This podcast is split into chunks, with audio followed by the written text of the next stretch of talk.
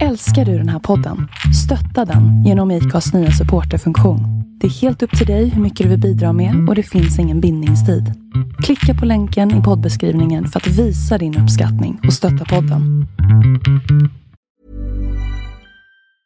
Hej, folks, I'm Mark Marin from the WTF Podcast, and this episode is brought to you by Kleenex Ultra Soft Tissues, your ally to help tackle your allergy symptoms this season. I love the change of seasons, but nobody loves pollen and all those other things floating in the air that make you sneeze during this nice weather. Kleenex Ultra Soft Tissues are hypoallergenic and allergist approved, so fight back against watery eyes and runny noses without worrying about irritating your skin. For this allergy season, grab Kleenex and face allergies head on.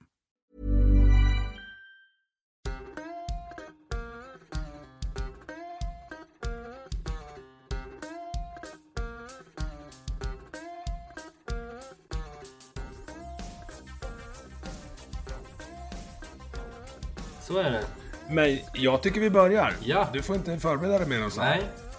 Vi kör. Eh, Jag hänger ju en del på Twitter och eh, det dyker upp folk som klickas in, retweetas och så i mitt flöde. Och så tittar jag, vad är det här för något? Jag kommer inte ihåg vad han skrev. Men när jag klickar in på hans profil så står det Sveriges jobbigaste liberal. Och det kan ju inte jag låta bli. Eh, Så nu ska vi undersöka hur liberal och hur jobbig Levi Rönnberg är. Välkommen till Vi måste prata. Tack, tack. Kul att få vara här. Den här podden börjar bli väldigt Örebro-centrerad. Det stör mig lite grann. Ja, det förstår vad, vad har ni i vattnet där nere som gör er så att ni dyker upp? Ja, jag vet, just nu vet jag inte. Nu är det partiledare hit och dit och det är liksom Örebro. Det är Örebros år 2022 verkar det som. Ja. Men det är kul för oss. Men jag kan förstå att man börjar tröttna på det till slut. Det kan jag göra.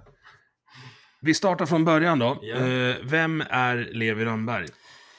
Ja, eh, nej men vem är jag? Jag är väl en eh, 19 år gammal kille. Eh, född och uppvuxen i Örebro. Eh, varit, eh, nu, numera så eh, är jag verksam både i Liberalerna som parti men också i ungdomsförbundet. Började intressera mig för politik ganska tidigt men gick med i Liberala ungdomsförbundet och även partiet för eh, drygt ett år sedan. Eh, och eh, till vardags så går jag i skolan, sista året på gymnasiet. Eh, och eh, tar studenten nu om en månad. Eh, och efter det så kommer jag jobba som politisk sekreterare då, för Liberalerna i Örebro. Och fortsätta med det jag tycker det är roligt, politik. Ja, och det där fascinerar mig lite. Jag har länge tänkt att försöka få tag på någon just ungdomsförbundare i och med att jag sket väl i politik fram tills jag var 35 typ. Mm. Nu ska vi säga, du är 19 år. Alltså, jag är 19. mer än dubbelt så gammal och eh, tio gånger så arg typ, som, du, som du. Och eventuellt lite jobbigare också. Men just livet i ungdomsförbunden har ju jag någon slags... Jag vet inte. Alltså om jag har en romantiserad eller parodiserad bild av det vet jag inte. Men det är så här, det är massa elevrådsmänniskor som springer omkring och, och med näsan i vädret och tycker saker Ja. som partiet som måste ge- genomföra saker inte kan göra på grund av pragmatiska skäl. Nej. Kan det vara så? Ja men alltså grejen är, ja, alltså på ett sätt så är det ju så. Det är det som är så himla fantastiskt med ungdomsförbund också. Att, att man, eh, man ger ju så, i Sverige så mycket friheter att kunna liksom tycka och tänka så mycket saker redan från en sån ung ålder. Eh, men det är ju klart, Mm. jag kan ju, dela, eh, kan ju dela den bilden ibland av att vi, det är ju lätt att bara flyga iväg in i liksom den liberala röran. Men sen har man ju ett parti sen som ska liksom, wow, wow, vänta, vi måste också ha råd och kunna genomföra de här förslagen. Men vi är ett par ja, elevrådsmänniskor. Det är riktigt bra ord faktiskt. Det är lite nördigt att vara med i, eh, i ett ungdomsförbund liksom. men det är också det som är charmen. Vi är liksom stolta nördar. vi tycker lite för mycket om politik. Vad drar ni med då? För när jag har pratat med, jag hade ju, jag har haft, har haft en eller två moderater med. Jo, men jag hade en moderat, Oskar från, från Dalabänken i riksdagen och så Rickard då från, från Örebro. Eh, De pratade om MUF, att det var bäst fester, att det var det som lockade där. Men Ja. vad, vad har ni i, i luff att komma med? Jag minns, det är så roligt för jag kommer ihåg att min mamma sa till mig när jag började intressera mig. "Bara, Du får bara inte komma med i MUF för de har så sjuka fester kommer jag ihåg från när jag var ung." tänkte jag, Det är väl inget bra sätt Nej. att hindra någon från att... Nej precis, jättedåligt sätt att få bort någon. Gå inte dit, det är precis. jätteroligt. Ja. Nej men, eh, ja men alltså vi har ganska, det är ju MUF är ju, det är såklart att de har alltid varit störst och de har ju ganska roligt. Men vi dras ju med på det där som att vi tycker är ganska lika. Liksom. Vi har någonting som heter Alliansförbundet i Örebro, så är vi Moderaternas ungdomsförbund, Centerns ungdomsförbund, KDs ungdomsförbund. Så vi brukar umgås eh, och det kan ju bli, det är ganska roligt. Vi är ju fortfarande Mm. unga liksom. Eh, Hur klarar ni att umgås då? Alltså jag tänker framförallt på Centern när de har svängt vänster på riksdagsplanet. blir det alltså, blir det något pika om skor när ni Det umgås? blir enormt mycket pikar om skor. Vi har eh, de stackars center, ungdomscenterna som, som får utstå vår mobbning. Men, nej, men det är väldigt mycket kärlek också och det, jag tror att det finns en, en besvikelse även för alltså, att man behövde göra den vänstersvängen. Liksom. Ja, det är inte i grunden ett, ett vänsterparti. Liksom. Eh, så det tror jag det, det är tråkigt från deras sida också, men på ett sätt så kan man ju kan man ju se varför den vändningen skedde och det, man kan hamna där, Liberalerna hamnar på en annan plats. Eh, Mm. Men vi, vi håller varandra om ryggen ändå skulle jag säga. Jag var väldigt, tycker väldigt mycket om dem som är verksamma i Centerns ungdomsförbund i Örebro. Väldigt bra människor faktiskt. Är det inte så att liksom kommunalpolitiken är realpolitiken egentligen? Alltså jag Ja. tänker att det är mycket... Alltså, så här, om jag tänker de besluten som drabbar mig och min familj hårdast har ju Mm. tagits i Leksands kommun. Ja, Inte i precis. riksdagen. Det där är ju, så är det ju verkligen. Liksom. Är det samma i Örebro, Det- tänker jag? Nej, nej för det, det där är ju verkligen sant och det är också det som jag tycker är viktigt med att man förstår inför valet att så här, shit, kommunerna styr och ställer över mig väldigt mycket. Man har ju faktiskt ett, kommunalvalet glöms ju alltså glöms bort kanske inte gör, men man tänker jag ska rösta i riksdagen, men det är ju bara 349 personer i Stockholm som sitter och, och tjabblar. De, det som Mm. faktiskt påverkar dig i din stad, i din ort, det är ju faktiskt kommunalråd. Eh, det är lite för lite snack om dem ibland kan jag känna, tycker jag. Eh, och det är ju lätt som man, man, man kan ha det kan stå liksom eh, ett parti säga men vi gör det här och det här eh, i, det vi vill göra det här och det här men så kan, man ha, kan de ha liksom kommunalråd som kanske inte tycker likadant och då får man ju inte den politiken de lovar i tv när de står och debatterar liksom. Så det där är ganska klurigt. Men, Ja, just det där avståndet är väl det jag stör mig mest på. Mm. Jag är... Vad ska jag betrakta mig då som? Ja, jag är banjohöger, säger Axdorff att jag är. Men jag, är, jag, vill, jag vill mest vara i fred. Jag tror på en liten effektiv stat och Ja. att beslut ska fattas så nära den som får ta konsekvenserna som Mm. möjligt. Och jag tror att den minsta enheten, ja, den minsta enheten är individen, men ändå fa- familjen, tänker jag, framförallt ja. baserar vi våra beslut på vad, min, jag och min fru på vad som vi tycker är bäst för våra barn. Och jag har jättesvårt att se att någon inne i centralorten här är det ännu värre, i Stockholm är det ännu värre, i Bryssel Mm. ska liksom veta, ja men så här, ja, men vi, tro, vi tror att det här är bäst för svenska barn. Har Ja. ni träffat barn? De är annorlunda. Mm. Ja, är, Eller så här, de är olika. Det, det funkar inte funkar. Nej men så är det ju. Och det där det tror jag kan finnas att man stör sig ganska mycket på det där när man sitter och tittar på partiledardebatterna. Liksom, att man kan vara man känner att oj, det lovas saker hit och dit och det är retoriska knep och någon lägger någon rant om någon, men, men så har man inte, så har man liksom 10 mil till sin förlossningsklinik och fattar inte. Kom hit, lös det här. Jag skiter väl i vad ni gör, om ni står och har kärnkraft eller inte. Jag brukar säga det när, man, är- när jag är ute i alltså, kampanjer och pratar om det. Alltså, när man ska välja vad man ska rösta på nu inför valet, då måste man låta sig själv vara en riktig egoist.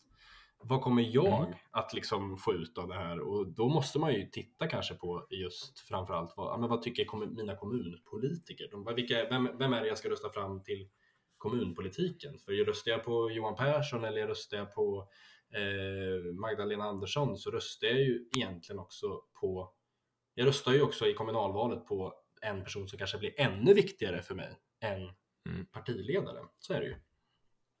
Och där tror jag vi har ett problem. Jag försökte mig på kommunpolitik här för vad, vad kan det vara, tio år sedan. Men det, alltså, jag vill inte vara inne med det gänget. Det är väldigt hög medelålder och det är Mm. framförallt en väldigt trög verksamhet. Mm. Och jag förstår att den behöver vara trög så att det inte blir liksom whimsy-flimsy för att, för att det sticker Nej. något mandat hit eller dit. Men jag tror, inte det, jag tror inte att det är någonting för mig. Och just det här, så jag har så svårt för, fördelningspolitiken, vilket jag, det är väl därför jag kan betraktas som någon slags höger, högerman. Så här. Vit medelålders högerman. Jag är, jag, allt är mitt fel, jag tar på mig det. Nej, nej men alltså det... Nej, men det, eh, alltså det är jag förstår inte varför pengar blir mer värd för att de är och vänder i Stockholm. Jag, Nej, det stör mig Nej, jättemycket. det där förstår jag. Det där förstår jag, tror jag är en jättevanlig liksom, så här, alltså, känsla ut bland väljarna. Och det där du säger om kommunpolitiken, det är ju, jag är själv verksam, sitter i miljönämnden i Örebro och, det är ju, alltså, jag drar ju verkligen ner i genomsnittsåldern i nämnden. Ja, jo, det kan jag tänka Eh, mig. Men jag har varit, det, jag kan, det som har varit väldigt bra från våra kommunalråd i Örebro är ju att hon, vårt kommunalråd Ka- Karolina Wallström, hon såg ju det här och kände shit, vi måste få in lite nytt blod liksom och, och har varit, satt oss på väldigt ganska, men, på poster som kanske i andra partier anses vara väldigt höga och som man inte får om man inte har varit med i alla år och har en guldklocka liksom. Mm. Jag tror att eh, det, det är lite så, det ser man speciellt, jag ska inte kasta mig över vänster men det gör jag ju ändå. Eh, jag tror att... Det är okej. Ja, det är okej. Det är mitt jobb. Nej men eh, jag tänker att eh, när man ser det så runt socialdemokratin, den kan ju bli väldigt toppstyrd. Alltså eh, det är liksom den som har varit med, med längst, den vet absolut bäst. Och, Eh, man drömmer om Ingvar Carlsson och grabbarna liksom och det är de, de ska vara med. Vad tycker ni? Vad tycker, vad tycker Margot? Det är bara att sitta på den här NATO-debatten nu. När liksom, vad tycker Margot Wallström om det här? Ja, nu är inte Mar- hon- Varför tycker Margot Wallström något om det här? Ja, precis. Hon är snart- Hon, är ju, hon har ju pensionerat sig. Man ringer ju inte upp gamla chefer för ett företag som har gått i pension. Vad tycker ni om, om vad som händer nu? Ja, men du jobbar ju inte här längre, så inte du har någonting att säga till om. Ehm, jag, tänker, jag vet ju att fortfarande Göran Persson gör utspelanden liksom om, om saker som händer i vår värld nu. Jag tycker att ni ska Mm. tänka så, jag tycker ni ska tänka så här. Ja, men Göran Persson, du var ju inte statsminister för ja, han? 2006, det är ju tre år efter jag, det var då jag tre år gammal liksom. Det är ju snart Mm. över 15 år sedan liksom. Bara så här, var tyst, du är förmodligen sista gångs väljare. Ja, precis. det blir ju så. Där är det liksom. Eh, Så att, men det där kan jag verkligen förstå. Eh, Och kommunpolitiken kan ju vara, ja den kan ju bli seg och trög, absolut. Mm. Men eh, det är kul att kunna vara en ung röst i kommunpolitiken. För att, jag tror folk kan bli lite chockade när jag kommer upp i miljönämnden och käbblar om saker. Liksom. Men, men folk lyssnar ändå till slut för att de märker att shit, den här killen han är här varje gång och han är seriös liksom, även fast han är yngre än mina barnbarn. Liksom. Mm. Men hur kom det sig att det vart just Liberalerna då? För du måste ju ha, det måste ha väckts någon slags politisk Mm. in, intresselåga och sen väljer man åt vilket håll man ska. Ja, Eller alltså grejen är att den här historien är ju ganska komplicerad för mig. För jag var ju, jag har ju växt upp i en familj, men en släkt där det varit ganska mycket socialdemokrater. Och när jag är 14, 13, 14, då är det inför valet 2018 va?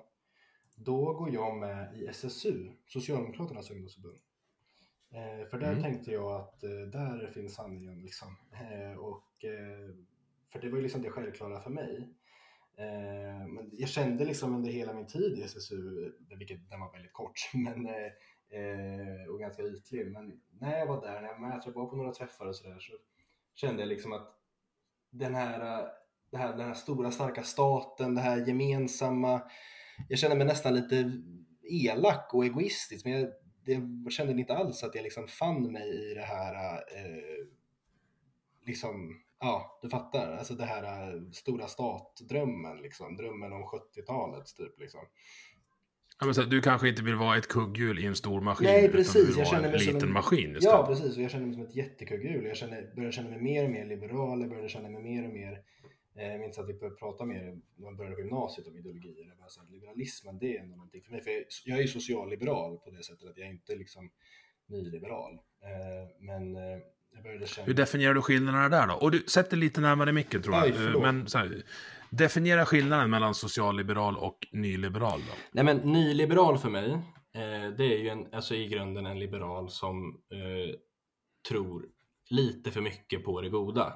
Alltså att man kan, man kan släppa människan helt fri. Eh, helt fri ska människan vara och människan kan besluta om allt och staten ska inte lägga sig i överhuvudtaget. Det är väldigt hårdraget av nyliberaler. Jag kommer säkert få skit för att jag säger det så. Men, men social liberal, liberalism för mig, det är ju att inse att, att eh, det även måste finnas någon realism i i, även i våra drömmar och om den här, om våra, den om individen. Och att staten kommer att behöva gå in eh, i vissa frågor. Staten kommer absolut att behöva spela en viktig roll i vissa frågor. Liksom.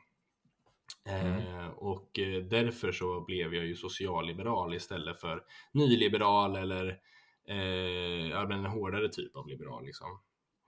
Eh, och då kände jag mig inte hemma i SSU överhuvudtaget. Eh, och eh, jag började också tveka lite på just skattepolitiken. Är höjd skatt som är lösningen till allt? Om vi bara höjer skatten, höjer skatten, höjer skatten. Kommer vi verkligen kunna lösa allt? Är det så bra att det finns så många som går på bidrag i Sverige? Eh, är det liksom, varför ser det ut som det gör? Varför ser Sverige ut som det gör trots att vi har skyhöga skatter? Är det så bra att det är så hög skatt på företagande så att folk liksom inte kan förverkliga sina drömmar och inte kan anställa och så vidare. Och då eh, i samma veva så träffar jag eh, Johan Persson som nu är partiledare för Liberalerna. Eh, och eh, han pratar om sitt parti eh, och jag blir väldigt fast i den tanken. För då hade jag liksom en bild av högern, att högern var väldigt liksom, men, hård och kall och inte brydde sig bara, brydde sig bara om pengar, brydde sig inte om någon annan. Men jag träffar Johan mm. Persson då, så men det här är verkligen en human människa som, som inte, det är ingen överklassnubbe som liksom vill se ner, tycker att det är fult att vara fattig och att uh, vi ska skita i alla som inte är mångmiljonärer. Liksom. Eh, och då gick jag med och så började jag läsa på om Liberala ungdomsförbundet Eh, och eh, de, det, jag fann mig i de personerna som var där. Det var väldigt smarta, intelligenta eh, och öppna människor eh, att mötas i diskussioner. Och jag märkte det, en grej som jag också märkte väldigt direkt både i partiet och i ungdomsförbundet var ju att det fanns så mycket luft för att snacka och tycka olika om saker. Det var vad tycker du? Vad tycker du? Det var inte här tycker vi mm. så här. Eh, det kunde jag känna av lite i SSU. Liksom att så här, vi tycker så här och så här. Jag kan, jag kan tänka mig det faktiskt. Ja, precis. Men att så här, i Liberalerna så var det inte alls konstigt att man satt två personer och liksom tyckte total olika i grejer. Jag kunde tycka att för bara några veckor sedan så Mats Olof som är eh, eh, en i Liberalerna, ska jag säga om han är ordförande eller om han är vice ordförande. Ordförande för oppositionen i alla fall i gymnasienämnden. Det kan bli, jag kan ha sagt fel. Mm. Det får ta det för mig för den är. Han... Eh... Vi ska inte grotta ner oss ännu mer i Örebro, men kör. eh, nej, men han... Eh, han och jag tycker helt olika i narkotikapolitiken och då tweetade jag en grej om narkotikapolitiken och eh, då svarade han, ja men det håller jag inte med om och jag blev nästan helt chockad, så, men gud en partist som liksom, vi kan inte vara i samma parti och tycka offentligt tycka olika. Men jag älskar den tanken idag, alltså, vi kan sitta i samma parti och tycka så pass olika och även vara öppna med att vi tycker olika. Och det var det jag föll för så mycket för Liberalerna och för Liberala ungdomsförbundet. Mm. Absolut. Ja, alltså diskussion är ju grunden till att lära sig nya saker. Precis, precis. Och det, var... det är det. Jag, försöker, jag försöker jaga gäster till, från, från alla partier. Jag har haft med Vänstern, sossarna, Moderaterna och nu Liberalerna och mm. Centern. Till och med partistyrelsecentern numera. Då. Ja. Uh, och Ja, man får, man får ju tycka olika. Och jag, jag har ju lärt mig någonting av, av alla de där. Jag har, jag har en granntant här som jag eh, i avsnitt med Jens Rundberg så saluförde för första gången min ambition att beväpna henne. Hon vill inte det, men hon, hon är med i Liberalerna lokalt. Ja. Eh, och jag har sagt åt henne att fast jag tycker inte att ni är så liberala. Nej. Hon bara, jo, men jag är väldigt liberal. Så, ja, men då tycker du att det är okej att jag försvarar mina marijuanaplantor med automatvapen. Hon bara, nej. Jag bara, då är du inte liberal. nej, det där, Sen är det att hårdra. Och jag har så här, för, for the record, jag kan inte ens odla en kaktus. Så ni behöver inte komma hit och leta efter marijuanaplantor. Behöver inte hålla på och anmäla socialtjänsten. Nej. Nej men just, för jag, jag, kom på det nu när du sa om narkotikapolitiken. Mm. Och i kombination med det här att man måste kunna diskutera. För är det någonting jag stör mig på mest? Jag vet inte vad jag är i narkotikapolitiken Nej. Eh, riktigt. Men just oviljan från socialministern att ens tillsätta en ja. oberoende utredning. Ja. Är det, alltså det är det sjukaste. Ja. Det, händer, det händer mycket konstigt i politiken, men så här, vi vill veta mindre än vad man kan om det här innan vi tar beslut. Precis. Inställningen är livsfarlig. Jag tycker också, för grejen är att alltså, jag tycker att det är så himla viktigt med att kunna diskutera, som du säger, och, men också att kunna ta liksom, belägg i fakta. Och vi kan ju inte ta belägg i fakta om vi inte utreder saken närmare.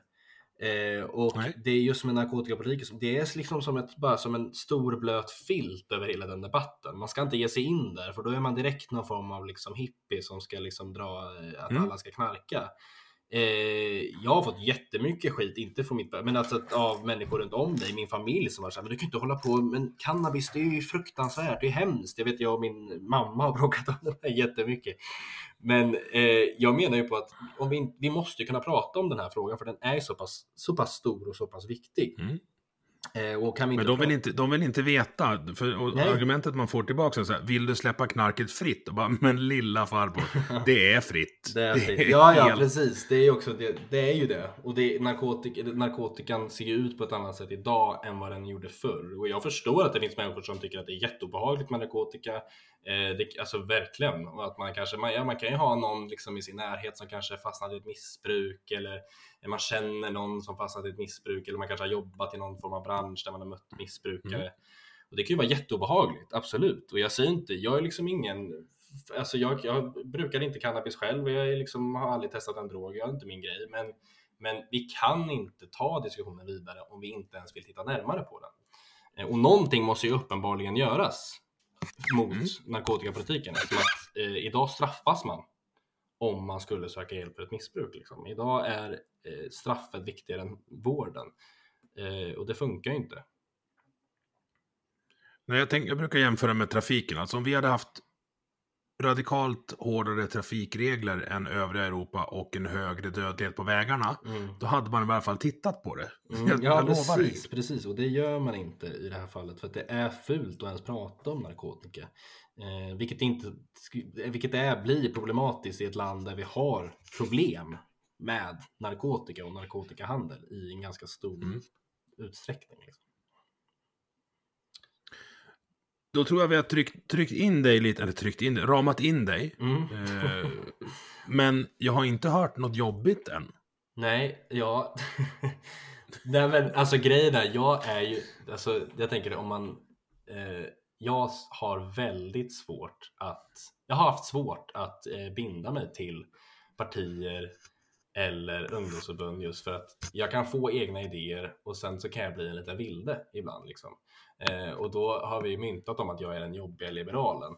Eh, men Mm. också eh, tror jag att det jobbiga liberalen det har blivit som ett skämt om mig för att jag eh, ja, men, har mycket vänner inom socialdemokratin, mycket familj inom socialdemokratin som tycker men det är en jobbiga liksom, liberal som bara ska tycka massa grejer om att allt ska bara ha det som vi har det. Det är skitbra, staten funkar, nu går vi vidare liksom. Det finns den liksom eh, den tanken de. Då har jag blivit kallad för den jobbiga liberalen. Liksom. Jag kan nog vara skitjobbig att både jobba med och ha som liksom, politisk motståndare. Men jag kan också vara jättesnäll och jättetrevlig. Ja, jag är lite besviken, men jag ska försöka att få igång det här. Eh, vi ponerar att du, du, du får bli statsminister. Du vet att du har tre mandatperioder på dig. Ja. Nu, nu svimmar han när han varit statsminister. Förlåt. Nej, Ja. men du, du, får, du får 12 år på dig. Mm. Vad är det första du ändrar? Det får vara flera saker. Och hur ser Sverige ut när du kliver av efter 12 år? Om du får drömma fritt nu. Ja, det första jag ändrar det är att eh, försöka, ja men det är att bryta hål på den, eh, det samhälle som, alltså på samhälle, låter konstigt, men alltså den tanken på samhället som är att allt ska handla om socialdemokratin. Sverige är så rotat i socialdemokratin för att vi på ett sätt är uppbyggda av socialdemokratin. Det är liksom eh, LO, facken, det, alltså, så, det går inte att vända sig bort från socialdemokratin och det har alltid varit den enda sanningen. Eh, och den enda sanningen, den största sanningen har ju varit att allt ska vara eh, kollektivt och att vi gör det här tillsammans. Det första jag hade gjort det är att genom att eh, sänka skatten, se till att fler kan bygga företag, alltså jobba för individualismen på det sättet. Eh, jag tror det absolut första jag skulle börja arbeta med är just skattepolitiken, för den slår hårt mot individer runt om i samhället. Eh, både företagare men också privatpersoner. Sen hade jag eh, tillrätt en utredning om narkotikapolitiken eh, för att försöka få eh, bukt på eh, eh narkotika. Jag tror att det är det enda sättet att gå nu. Att eh, se, finns det en möjlighet att det kommer bli bättre när man avkriminaliserar eller inte? Eh, I alla fall göra en utredning, det hade jag gjort. Ehm, och sen så hade jag eh, stängt alla dörrar mot eh, populistpartier som Vänsterpartiet och Sverigedemokraterna. Eh, I min drömmarsvärld så är det eh, Liberalerna, kanske Moderaterna som, som styr landet. Ehm, och eh, ja, men byggt in liberalismen på det sättet. Och, och när jag hade varit klar, det är så himla mycket man gör, det är så svår fråga, men när jag hade varit klar så hade vi haft ett Sverige eh, där människor föds, växer upp och lever och genom hela sitt liv på riktigt vet om att den kan bli precis vad den vill och att kravet endast ligger på den. Mm. Det är du som kommer behöva ta beslutet Eh, i slutet av dagen. Du kan behöva hjälp med vissa saker och staten kommer finnas där, men det finns krav på dig som person och de här kraven, om du uppfyller dem, om du på riktigt blir sann mot dig själv låt som präst eh, och mot, alltså förstår jag menar? Då kommer du att kunna utvecklas och då kommer ditt liv att bli bättre än om du bara accepterat. okej, okay, nu är jag, eh, nu kan jag, jag vill inte jobba, jag vill inte göra det, jag vill inte det, allt alla andras fel. Det är väldigt lätt att hamna i den, i den retoriken. Eh, och då kommer man inte komma framåt. Sen hade jag, sen hade, så Sverige hade blivit ett eh, mer liberalt samhälle där eh, ansvaret ligger mer på individen och där myndigheter och staten hade smalats ner väldigt mycket. Mm. Eh, det, så hade Sverige sett ut. Eh, och det tror jag kommer att ligga, det hade hjälpt eh, många samhällsproblem, absolut. Jag tror att Sverige oh, hade varit godare. Har du, alltså jag, jag är med. Jag, jag vänder mig lite mot det där kan bli vad du vill. Alltså jag har ju knappast uh, generna för att bli hockeyproffs till exempel. Nej, alltså, men du, vill all, du bli Alla kan inte bli precis Ja, alltså jag är från Leksand, det är klart att vi hockeyproffs. ja, ja, men det, ja, ja, nej men alltså, ja, nu menar jag mer en samhälls... Ja, det finns ju drömjobb och sådana där grejer som alla kanske inte ja. kan bli. Liksom. Men, men du, jag, allt, när jag pratar så kan det bli ganska hårdraget, men jag tror att du förstår vad jag försöker, vad jag försöker mena. Om jag säger så här, om jag översätter det så här, det finns möjligheter att bli en så bra version av dig själv som det på något ja, vis går, utan att precis. någon står i vägen. Nej, och det, ja. det kommer finnas lite krav på dig. Eh, och det sätter, sätter man inte för att man vill vara elak, för att man tror jag tror ju att sätter man krav på människor, då säger man ju till de människorna, jag tror att du kommer klara av det här. Alltså, mm. du, du, kommer kunna att integrera dig till samhället, eh, du kommer att kunna skaffa dig ett jobb. Men om man säger, men du vet vad, det är bättre om du bara lever på bidrag. Då säger jag ju också till den, till den personen att du är ju dum, du kan ju inte sköta dig själv. Alltså, du ska inte ut och göra någonting på arbetsmarknaden, du ska inte förverkliga dina drömmar. Det är det man säger liksom. Eh, att ställa krav är ju verkligen att bry sig. Det är en sån gammal folkpartistisk liksom, sägning, men det är ju så. Ja, och man kan till och med skippa ordet krav som är värdeladdat. Alltså så här, staten, samhället, alltså staten då, eller samhället, staten och civilsamhället ihop sätter ramar och sen får man göra vad man vill innanför dem. Men du får liksom mm. inte gå utanför dem utan, att, utan att kolla. Nej, precis. Nej, men att det får inte gå ut över någon annans liv såklart, någon annans frihet. Nej. Skattepolitiken tänkte jag på. Jag lyssnade på, nu, nu har jag glömt det, men det var någon, någon alltså jag har så mycket poddar jag lyssnar på, som berättade att han hade startat företag i England. Mm. Och då säger de engelsmännen så här, ja men kom tillbaka när du har fakturerat eh, 30 000 pund, då kan vi börja se om vi ska skatta dig någonting. Mm. Alltså jag skulle vilja ha något motsvarande på inkomstskatten i Sverige, typ de första kvartsmiljonen du, du drar in, det är ingen inkomstskatt på den. Nej, alltså jag tror att det, det absolut finns en poäng i det och att eh, att liksom, för just när det kommer till företagarna, man måste, det finns också en bild. Nu lutar du dig tillbaks igen. Det finns, ja.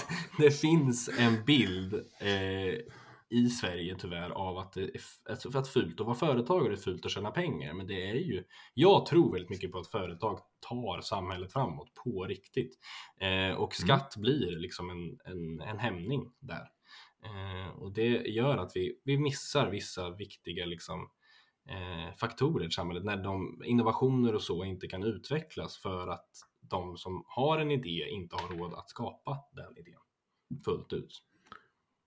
Med andra ord så ser du inte, alltså du ser inte klyftor som primärproblemet, eh, ekonomiska klyftor, utan kanske att lägsta nivån är för låg. Ja, vara så? absolut. Absolut. Så skulle jag vilja säga det.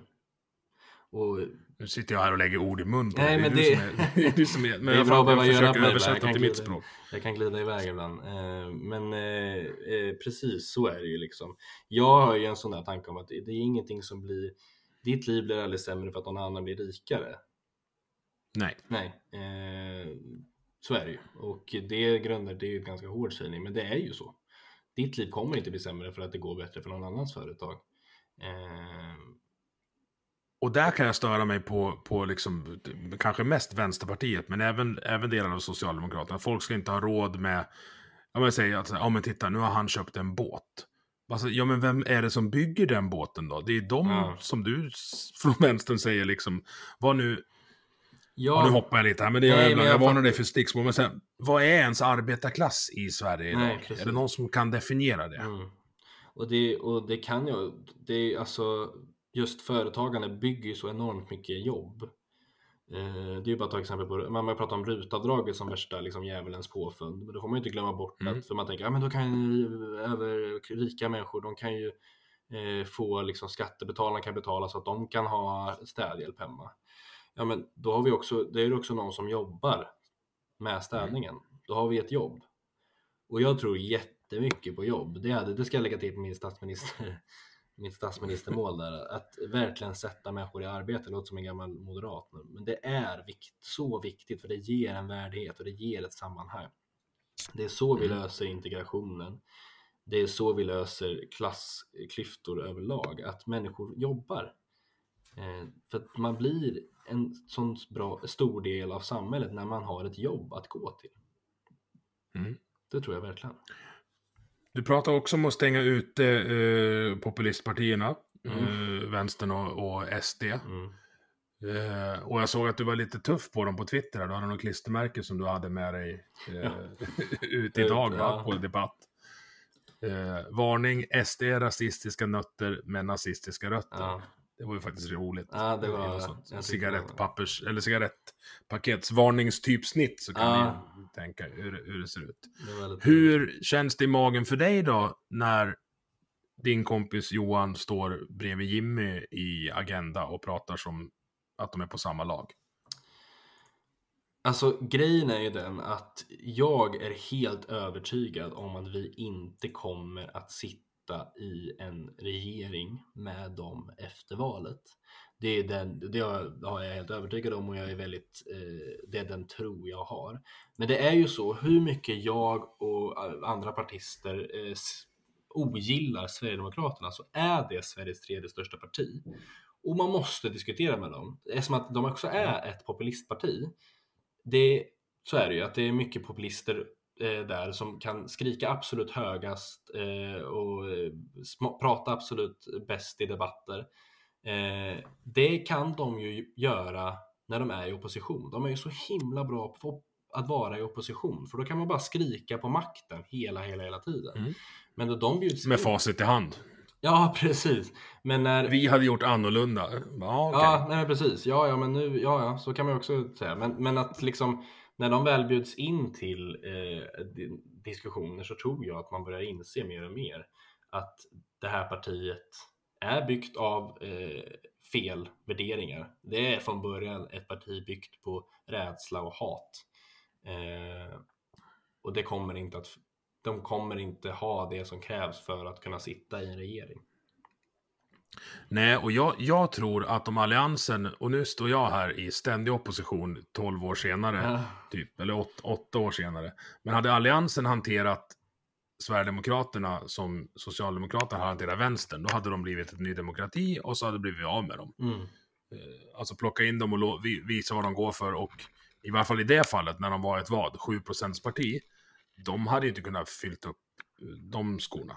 Inte en chans. Nej, nej. Nu har de liksom, nu har, nu har man, man, har, man har skapat en sån jävla bra grogrund och nu blir vi aldrig av med dem. Nej, och det är just det som, och det är därför de är så stora nu, för att de kan skrika högst i opposition Mm. och hitta de här samhällsproblemen och skylla dem på invandringen och så, du vet, det jag eh, tycker att det är djupt tragiskt att de kommit så långt. Men åter till din fråga då, jag tycker jag vet vart mitt parti står och jag vet vart jag har väldigt högt förtroende för min partiledare och jag eh, vet att han inte kommer släppa in Sverigedemokraterna i en, en borgerlig regering. Och vi, de, jag tror att borg, den borgerliga sidan kommer behöva Liberalerna och då blir det ett ultimatum där liksom. Välj oss eller Sverigedemokraterna liksom.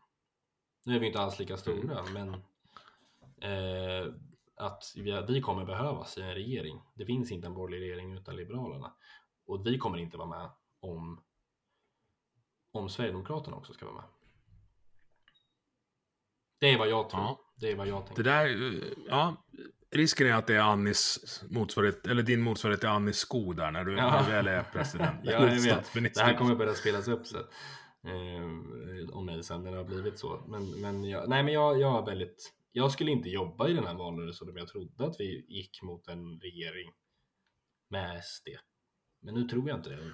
Därför, Och då pratar du liksom ministerposter och Ja, folk bra, i precis, regeringskansliet. precis. Ja. Precis, för det är en grej att rösta fram en regering eller rösta fram en budget och det är en grej att, ja, men som, att som du säger, sitta på Rosenbad på riktigt. Liksom. Det vill jag inte. Där tror jag inte att... Det, där kommer den riktiga kollapsen komma om vi bjuder in dem i det sammanhanget. Ja, jag, jag tror att det blir de som kollapsar. Men jag, jag har haft fel förr. Flera gånger. Ja, det hade ju, det hade, de hade ju förmodligen då kollapsat om de, jag tror ju som du säger att hade de kommit in i regeringen så hade nog det här skitit sig. För då hade man insett att shit, det är inte så många fler än Jimmy som, som kanske är belägna att driva politik på en Nej, och fram, framförallt inte då. Nu har de ju stärkt upp med... Eh, alltså jag, jag för, vad heter hon då, EU-parlamentet? Hon är rätt skarp. Alltså flyttar Mm. hon hem, då blir de ännu jobbigare att hantera. Ja, ja, ja. Jessica Stegrud, ja Mm. precis. Eh, Nej, men de har ju svinjobbig liksom. att... Ja, men de har ju, de har ju vuxit. Och vi, kan, vi kan enas i att det är ett populistparti. Mm. Men populistpartier dyker ju upp när det finns utrymme för dem att dyka upp. Mm. När, när, ja, men sen när det blir en lucka mellan de som bestämmer och folket och någon fyller luckan. Ja, Och det enda, det enda de behöver vara då är inte de andra. Alltså det är definitionen av populism. ja, precis. precis. Att, att de kan eh, så. Ja, jag det är vet- det ja, som blir problemet. För det, det är i den här, när man, jag tror också att problemet är när man går Centerpartiets väg och fullständigt blundar och inte ens vill liksom titta på Sverigedemokraterna. Då, det är så man gror Sverigedemokraterna. För då kan Mm. de stå och säga liksom, men kolla de tittar inte ens på oss, det är vi som har sanningen, de vet att vi har sanningen. Och så, är man, så växer de på det spåret istället. Istället för att bjuda in dem till att liksom samtala och inse att shit, de här har ingenting att komma med förutom att sin invandringspolitik. Liksom. Vi ska inte prata eh, jättemycket om dem, men alltså, de, är ju en så stort inslag i det politiska landskapet som blir svåra Mm. att ignorera. Men jag Ja. tycker det är paradoxalt att deras liksom intåg och förmåga att växa har kanske fått precis motsatt effekt i och med att de andra partierna har liksom, ja, ett tag i alla fall, blundat för den delen av migrationspolitiken som har gett problem. De har Ja. man inte vågat adressera, för då har alla skrikit att man är, springer Sverigedemokraternas ärende. Ja. Ja, ja. Vilket har gjort att det har inte blivit bättre. Nej, nej precis. Det har ju blivit, och det märker man ju bara liksom som, att som medlem i Liberalerna liksom, och är medlem i bara i ungdomsförbundet som egentligen inte är Liberalerna. Att det finns, man får ju lätt den här, men ni vill jobba med Sverigedemokraterna, då är ni också rasister liksom. Det, Mm. det, är ju, det är ju, man måste ju också lära, förstå vad det är för parlamentariskt läge vi står inför. Att vi har, det är fortfarande Sveriges tredje största parti. De är dubbelt, trippelt så stora som vi är. Liksom. Eh, det, det, är inte, det är inte demokratiskt att bara liksom låtsas som att de inte finns. Och det hjälper ingen annan än dem att låtsas som att de inte finns. Vi, eh, så här, mot min vilja stannar vi kvar lite i Örebro. Hur upplevde du det som hände över påsken? Ja men det var ju helt fruktansvärt. Jag bor ju ganska nära faktiskt den parken. Jag var tvungen att åka förbi Mm. där på eh, mitt i kravallen så var jag tvungen att bara åka förbi och kolla vad det var som hände. Och det var ju som en, som en skräckfilm. Alltså det var liksom men som en krigsfilm. Det var stenar som kastades, poliser som man ändå på något sätt kunde se hade panik i ögonen. Liksom. Och det var så mycket folk och det jag blev mest liksom, ledsen över att se det var att det var så mycket unga människor som stod och kastade sten. Det tyckte jag var jobbigt Mm. att se. Att liksom, det var det har, det har gått ner i åldrarna på ett sätt som är helt sjukt. Eh, det var riktigt, riktigt ja, men surrealistiskt att se. Jag kunde knappt, för jag växte upp typ i den där parken och lekte i den där parken från barn. Jag kunde inte föreställa mig, eller att se det där hända i den parken. Det var liksom, det är så lugnt och område det där liksom, så det var bara helt, ja, helt sjukt. Nu har inte jag varit i den parken eller i det bo- bostadsområdet. Men vad, vad är din syn på, på alltså, vad är orsakssambandet bakåt? Varför vart det så här just i där? Eh, jag tror att det, det, är ju en, det är ju en jättesvår fråga, men jag, jag tror att det grundar sig i att de som drog i stenkastningen, det är människor som redan från början hatar polisen. Eh, Mm. Och av olika anledningar, och framförallt kanske kriminella. Och när man när de börjar dra i det här, när de kommer dit och, och liksom skjuter igång det här och säger att det är i islams namn. Då kan man dra med sig med kanske vilsna själar men också speciellt ungdomar, unga killar som eh, går igång på den här liksom, det blir som den här huliganstämning liksom. Alla går igång på varandras ilska och det blir bara, det spårar ur helt fullständigt.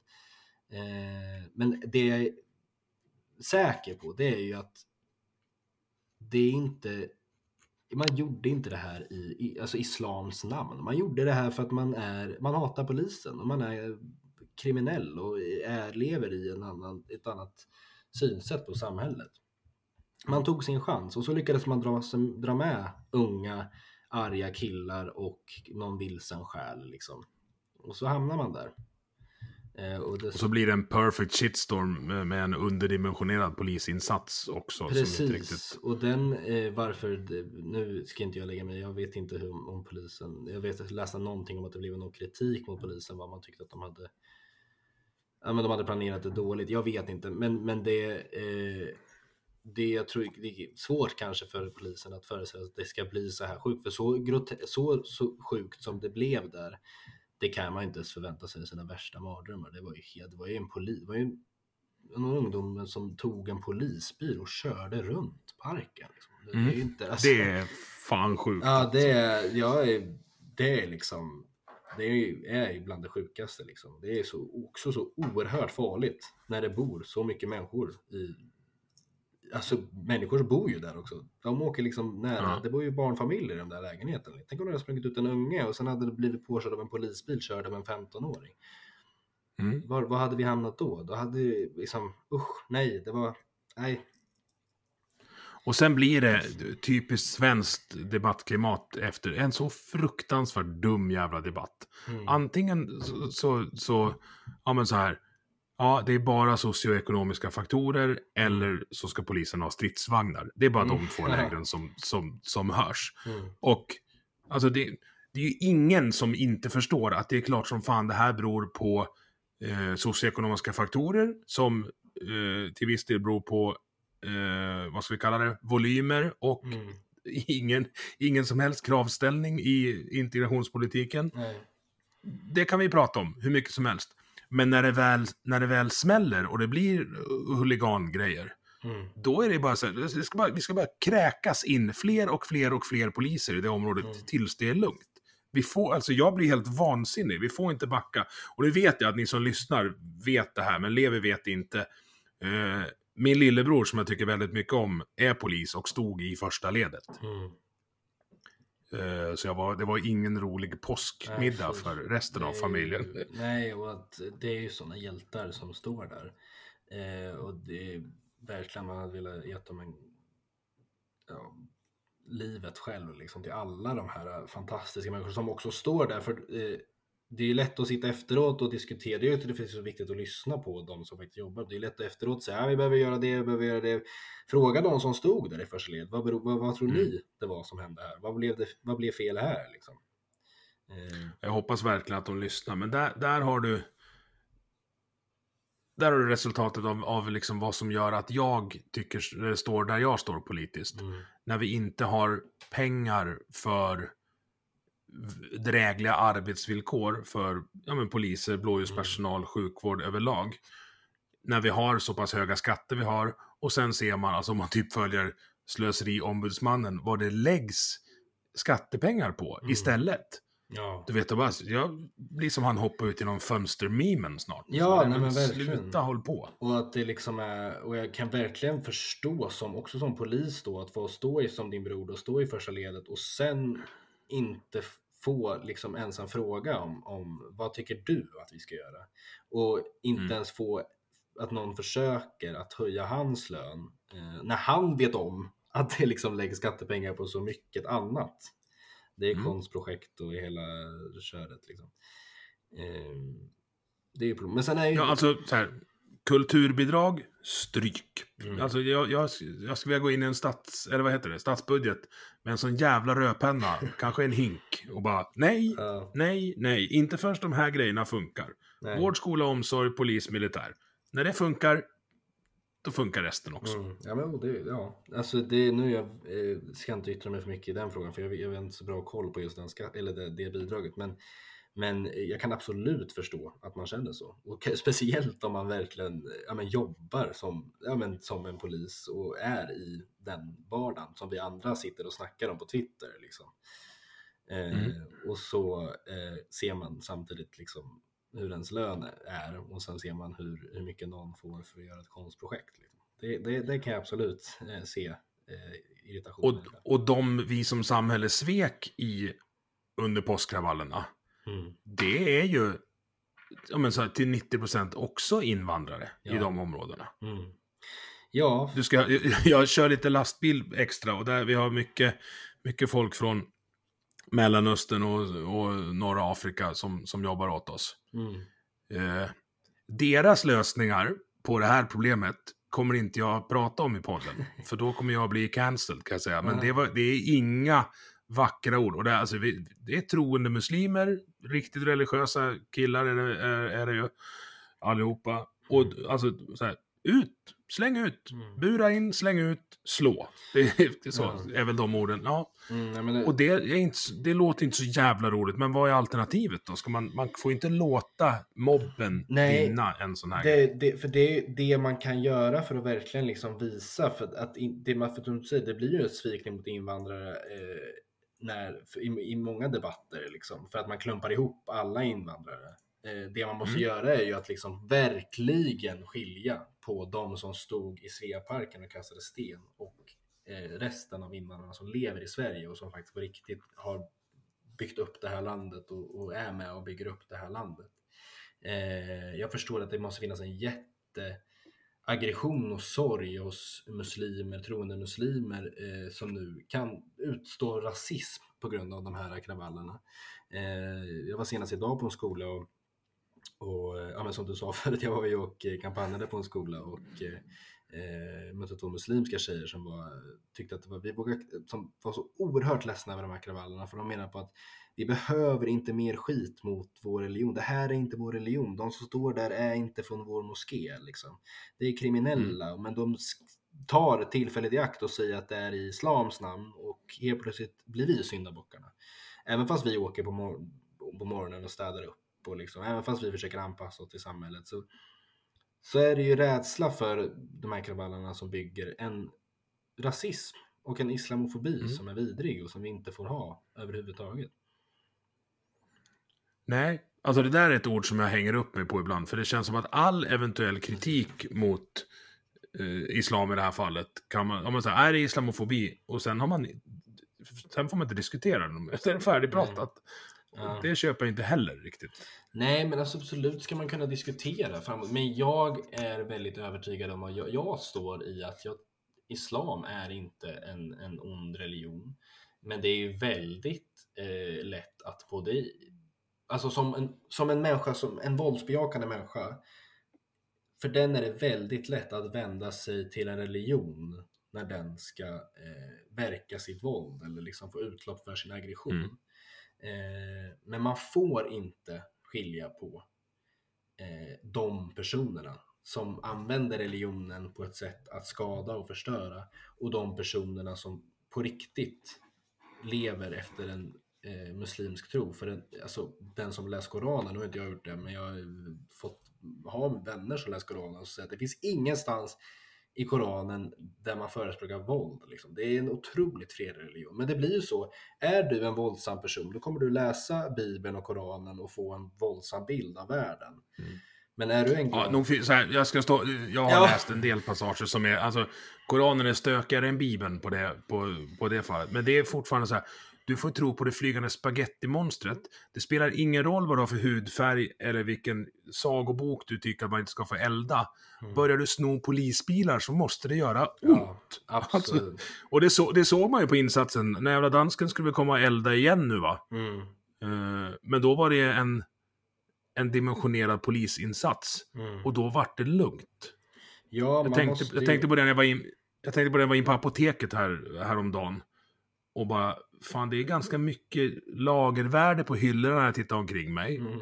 Men då har ju de någon slags bur, och det vet ju de kriminella om. Att går du in och tar en hylla Alvedon, då trycker de på en knapp och så kommer inte du ut. Vilket gör att då kan du ha Alvedonen stående på en hylla mitt på bordet för att konsekvensen är uppenbar, den är tydlig och den är inte värd risken. Mm. Så ska ju ett fungerande våldsmonopol också fungera. Verkligen. Att det är inte värt att, att stöka för att konsekvensen överstiger vida den eventuella eh, uppsidan av det hela. Ja men verkligen. Nu sitter jag och rantar här. Men Nej jag men jag förstår, jag förstår och jag håller helt med dig att de som eh, var där och gjorde de här grejerna måste ju hittas eh, och buntas ihop och dömas för det. Och det måste mm. göra ont att ha eh, kränkt polisen på det här sättet. Det måste göra ont. Eh, och det ska inte ens vara en fråga om att man, man som du säger, man ska, väl, man ska bli rädd för att göra det igen. För att man vet om att de som gjorde det innan mig faktiskt på riktigt hittades och straffades. Eh, mm. Det är ju liksom, man ska inte prata om, om, straffpolitik nu, men det är ju också en, en del av liksom straffen. Många säger, men det gör ju ingenting att höja straffen. Men straffen är också på ett sätt att markera. Mm. Att liksom, eh, okej okay, nu det, vi tycker inte att det här är okej okay som samhälle och därför så kommer du att få sitta ett långt fängelsestraff för att markera mot dig och mot ditt offer eller dina offer. Det är också en markering mot dem. Liksom. Jag tror att det var många poliser som stod där som har, kommer bära med sig det här, eller många, förmodligen alla kommer bära med sig det här med det här, den här händelsen med otroligt mycket rädsla och sorg. Liksom. Eh, det är ju inget roligt att behöva med om en sån här grej och det är ju någonting som man kommer bära med sig fram i sitt liv. Liksom. Eh, och det, det måste ju liksom ett statement även mot dem. Att så här, det här accepterar vi inte, det här var inte okej. Eh, de som Nej. har gjort det här måste få känna på ett riktigt straff. Hur ser du på, på för det här är något som jag tycker är så fruktansvärt mångbottnat. Alltså utvisning av kriminella utländska medborgare. Mm. Jag, så här, beroende på min dagsform så är det så här, ja, fast har du permanent uppehållstillstånd så är det permanent, mm. ena handen. Och i andra handen, det blir många händer nu, så här, men så här, mm. ja, vi kan inte visa ut folk till länder där de riskerar förföljelse eller ännu värre, alltså tortyr och, och, och dödsstraff och så. Mm. Och sen tänker jag, ska försöka kombinera det med att säga, ja men i varje fall om det, om det så att det är fängelse i straffskalan eller om vi har ett visst år. Mm. Ska det nullifiera då risken i hemlandet för att det borde du tänkt på innan? Alltså det, det där är en jättekomplex... Ja, ja jätte, jättekomplex fråga. Har du, har du funderat något runt det? Nej men alltså jag, eh, som, jag tror, tycker att om man du har fått ett permanent uppehållstillstånd och, och du är så småningom sen blir svensk medborgare, man kan inte ta det ifrån människor. Men om du inte, om, när du inte har det, då måste du ju eh, förstå att du inte har det. Och att om du begår ett brott så är det eh, en, liksom, ett, då kommer du att behöva skickas hem. Eh, för att eh, det funkar inte någonstans och det ska inte funka i Sverige heller att komma hit och begå brott. Det ska inte få fungera. Och då kan man tycka att det är hårt och elakt men så är det här, ska det vara i Sverige och så är det i alla andra. Du kan inte komma någonstans och bete dig hur du vill. I Sverige har vi våra lagar och regler och de måste efterföljas. Och har du inte ett upp, uppehålls, permanenta uppehållstillstånd och inget medborgarskap.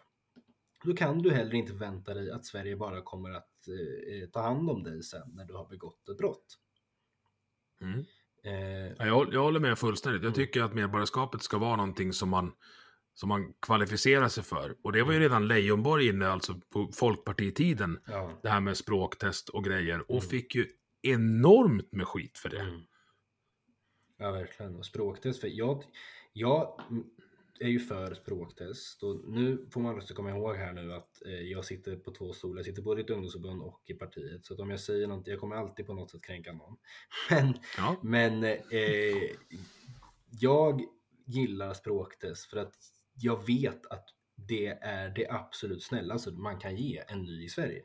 Att lära sig svenska, det är så himla viktigt för att kunna integrera samhället. Och lika så här som jag pratade om med jobben tidigare, att det, det ska ju egentligen anses mer elakt tycker jag att inte ställa kravet på att lära sig svenska. För då säger man ju återigen, då ger man ju upp på människor bara.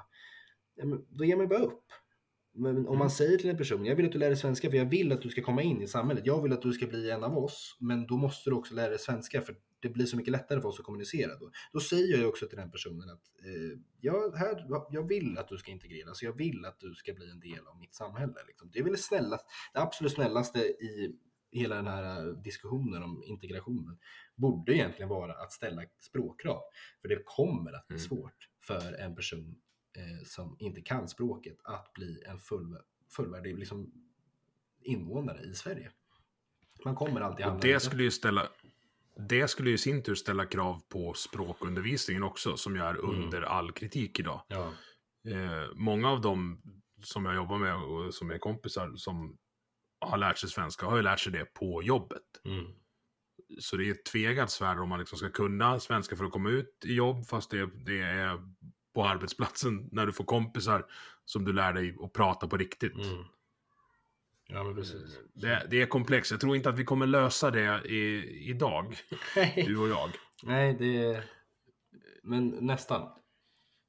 Nästan. Ja.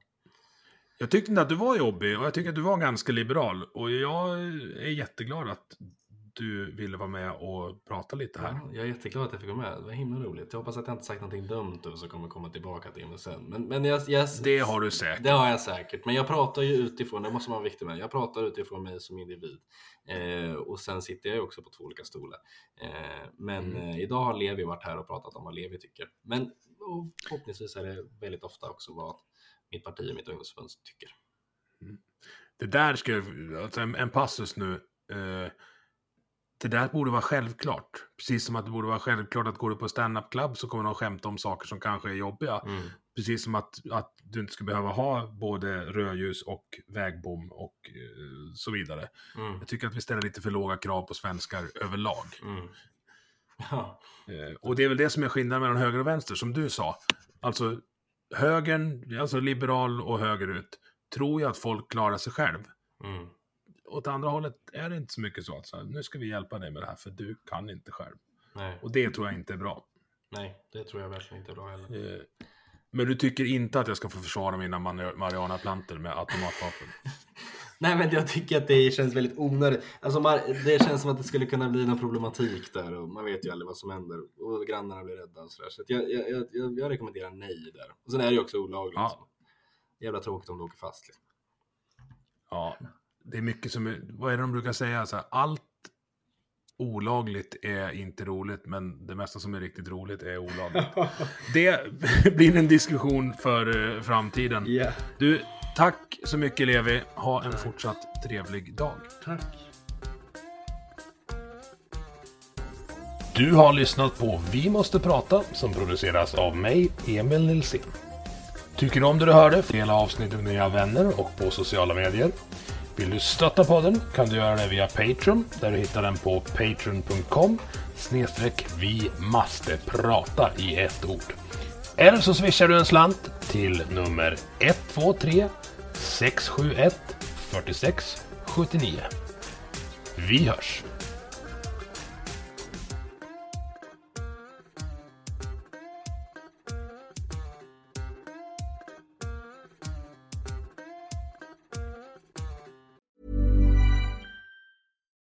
Imagine the softest sheets you've ever felt. Now imagine them getting even softer over time. That's what you'll feel with Bowl and Branch's organic cotton sheets. In a recent customer survey, 96% replied that Bowl and Branch sheets get softer with every wash. Start getting your best night's sleep in these sheets that get softer and softer for years to come. Try their sheets with a 30-night guarantee. Plus, get 15% off your first order at bowlandbranch.com. Code BUTTERY. Exclusions apply. See site for details.